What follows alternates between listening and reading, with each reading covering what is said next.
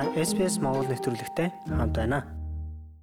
Энэ залилан чамд анх ер нь яаж чамтай холбогдсон бэ? Утасны дуудлага ирсэн үү, мэйл ирсэн үү, эсвэл мессеж ирсэн үү? Энэ тухайга яриач. За, эхлээдний дуудлага ирсэн. За, дуудлага ирээд Amazon-оос ингээд та юм захиалсан байна. Гэхдээ тэр бол нөгөө автомат юм дуудлага байсан. Ингээд захиалсан бол нэг төвчлөөрийг дараад, захиалаагүй бол хоёр төвчлөөр дараад эсвэл оператортой холбогдож болно гэсэн. За тэгээд би ямар нэг юм захиалаагүй байсан учраас оператортой нь холбогдоод би энэ зүйлийг захиалаагүй яагаад надад юм дуудлага ирж байгаа юм болоо гэдгсэн чинь уцаа таслаад эргээд бид нэр танилугээс залганаа ойлголоо гэдгсэн. За тэгээд ер нь бол танд ингээд 290 долларын headphone захиалсан байна. Тэгээд одоо энэ ингээд таны юунаас авах гэж байна. А тэгэхээр захиалаагүй учраас бид нэр энийг ингээ cancel хийя гэх. Тэгээд cancel хийх процесс хийгдэн яаж яаж юу руу орох уу гэд кэшний нь ер нь бол татаад эхлээд яг тэр хүмүүсийн хэлснээр явсан.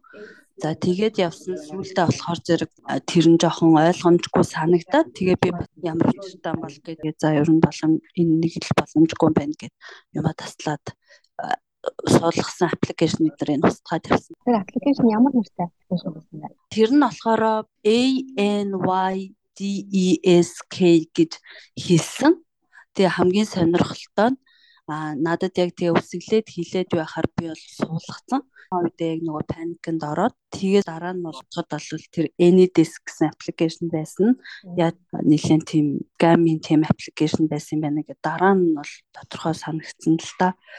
Тэгэхээр тэр аппликейшнийг суулгаад миний одоо юу руу нэвтрэх гэж оролцсон юм байна гэж би ер нь бол ойлгосон. Танаас ямар нэгэн хувийн мэдээллийг шаардсан одоо банкны дигитал ч юм уу, оршин суугаа газрын хаяг төрсөн он сар гэх мэт.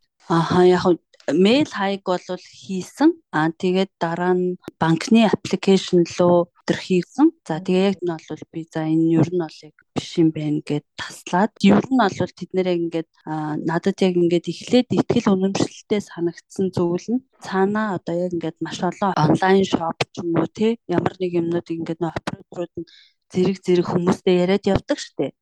Тийм чимээ цаана байсан байхгүй юу. Тэгэхээр би эхлээд бол энэ яг Amazon юм байна гэж ойлгосон. Хэдэнд болоод хүмүүс авахыг хүссэн юм бэ? Тэрийг яг юунд зарцуулах гэж ингэж хэлсэн юм бэ? Яг хөө тэр ерөөсөө л нөгөө таны одоо өөрийн чинь захиалаагүй юм онлайн захиалга орж ирсэн байна. Тэгэхээр одоо бид нэр Amazon-оос холбогдож таны энэ чинь cancel хийя гэсэн тийм л зүйл ярьсан баг. Тэгээд яагаад ийм аппликейшн суулгах ёстойгоо юу гэж тайлбарласан бэ? Энэ нөгөө нэг онлайн гүйлгээг cancel хийхэд бид нар одоо аппликейшн суулгана гэсэн баггүй юу? Тэгээд ер нь бол гол зорилго нь болохоор та өөрөө биш өөр нэгэн хүн таны данснаас онлайнаар гүйлгээ хийх гэж байна. Тийм болохоор энийг бид нар боловсруулах гэж байна гэсэн ийм байр сууриас л тэр процессуудыг хийлгсэн л дээ. За тэгээд яг миний одоо нөгөө нэг харьцдаг данс банкны аппликейшн руу одоо тэр суулгасан аппликейшнаараа дамжаад орох алхам болох үед нь босвол гинт. За энэ бол юусоо биш юм байна гэж хэлсэн. Тэгээд дуудлагаа салгасны дараа ахиж залгасан уу?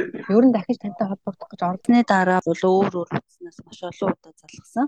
Тийм тэгээд тэр үед нь баг яриад энэ бол ингээд над руу дуудлага орж ирээд ингэхээр нь би ийм ийм алхмууд хийчлээ. Тэгэхээр одоо би яах ёстой вэ гэсэн. За тэгээ банк бол та ямар нэг банкны мэдээлэлээ өгсөн үү? Би банкны мэдээлэлээ бол өгөөгүй гэсэн. За та яаралтай тэр аппликейшнийг өөрийнхөө утсан дээрээс устгаад нөхөө аппликейшнийг бас устгаад дахиад шинээр танд нээж өгье гэд ерөнхийдөө банк бол марах хэмжээ авсан. Нэг удаадаа ингээд аппликейшнийг суулгасан хугацаанд ингээд ярьсны дараа ер нь өөр төрлийн скамууд орж ирэх магадaltaй гэдэг юм байл л да. Өөр ямар нэгэн байдлаар хандсан уу? Ер нь бол тэрнээс хойш танихгүй дуудлагууд орж ирээд байгаа. Сая сүүлд бас нэг хэд хоногийн өмнө MasterCard-наас ярьж ингээс бас яг нэг автомат хариулагч орж ирсэн.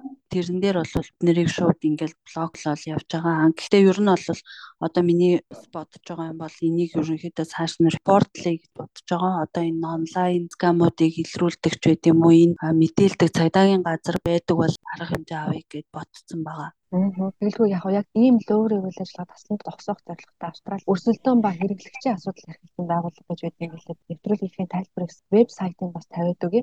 Яг ийм байдлаар хохирсон хүмүүс байвал энэ байгууллагад хандаж репорт өгөх ёстой юм байна шүү. Бас залгасан дугаар, мэйл хаяг, за хэрвээ мессеж ирсэн бол тэр дугааруудыг заавал өгөх ёстой гэдэг юм байлээ. Энэ бас эргээд бусад хүмүүсийг залхахаас хамгаалж байгаа юм үйлдэл байна юм байлээ. Тийм надад бас яг тийм тусламж хэрэгтэй байгаад байгаа. Ер нь бол үе үе юм танилцахгүй дуудлагууд одоо орж ирэх ихссэн. Өөр хүмүүст анхааруулж хэлмээр скамын дуудлага ер нь ийм байд юм байли шүү гэж хэлмээр зөвлөмөр зүйл юу вэ? За миний бодлоор болохоор скам байдаг. Ер нь бол ойлголт айгүй сайн байдаг хэдий ч яг ингээд нөгөө задны мэдээлэл асуухгүй шүү. Танаас утасны дугаар асуухгүй.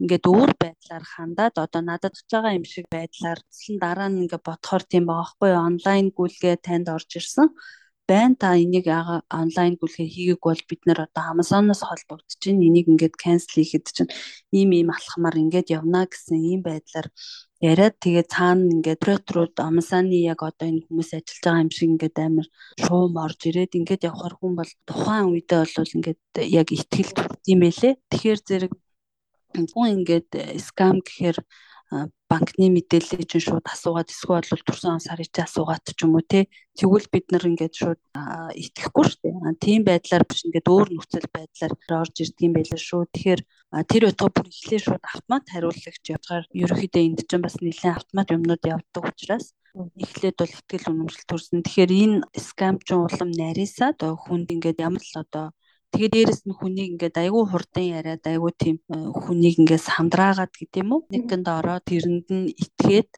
ингээд үйлдэлүүдийг хийсэн байгаа байхгүй. Би дараа нь ингээд бодоод тэр начиг одоо яг ийм байдалд орох юм бол янз бүрийн таны хувийн мэдээллийг шууд асуухгүйгээр өөр нөхцөл байдал өөр одоо кейс ярьж ингэж орж ирд юм билээ шүү энэ дээр бас анхаарах хэрэгтэй байна л гэж бодсон.